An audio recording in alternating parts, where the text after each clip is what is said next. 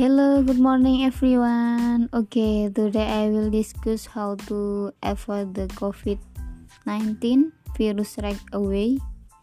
The first is to keep clean, eat regularly, get adequate rest, exercise in the morning, and most importantly, always empty 3M.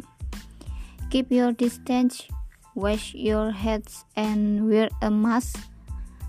Take one more vitamin so that you can get more fit.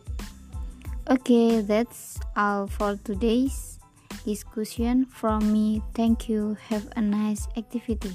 Bye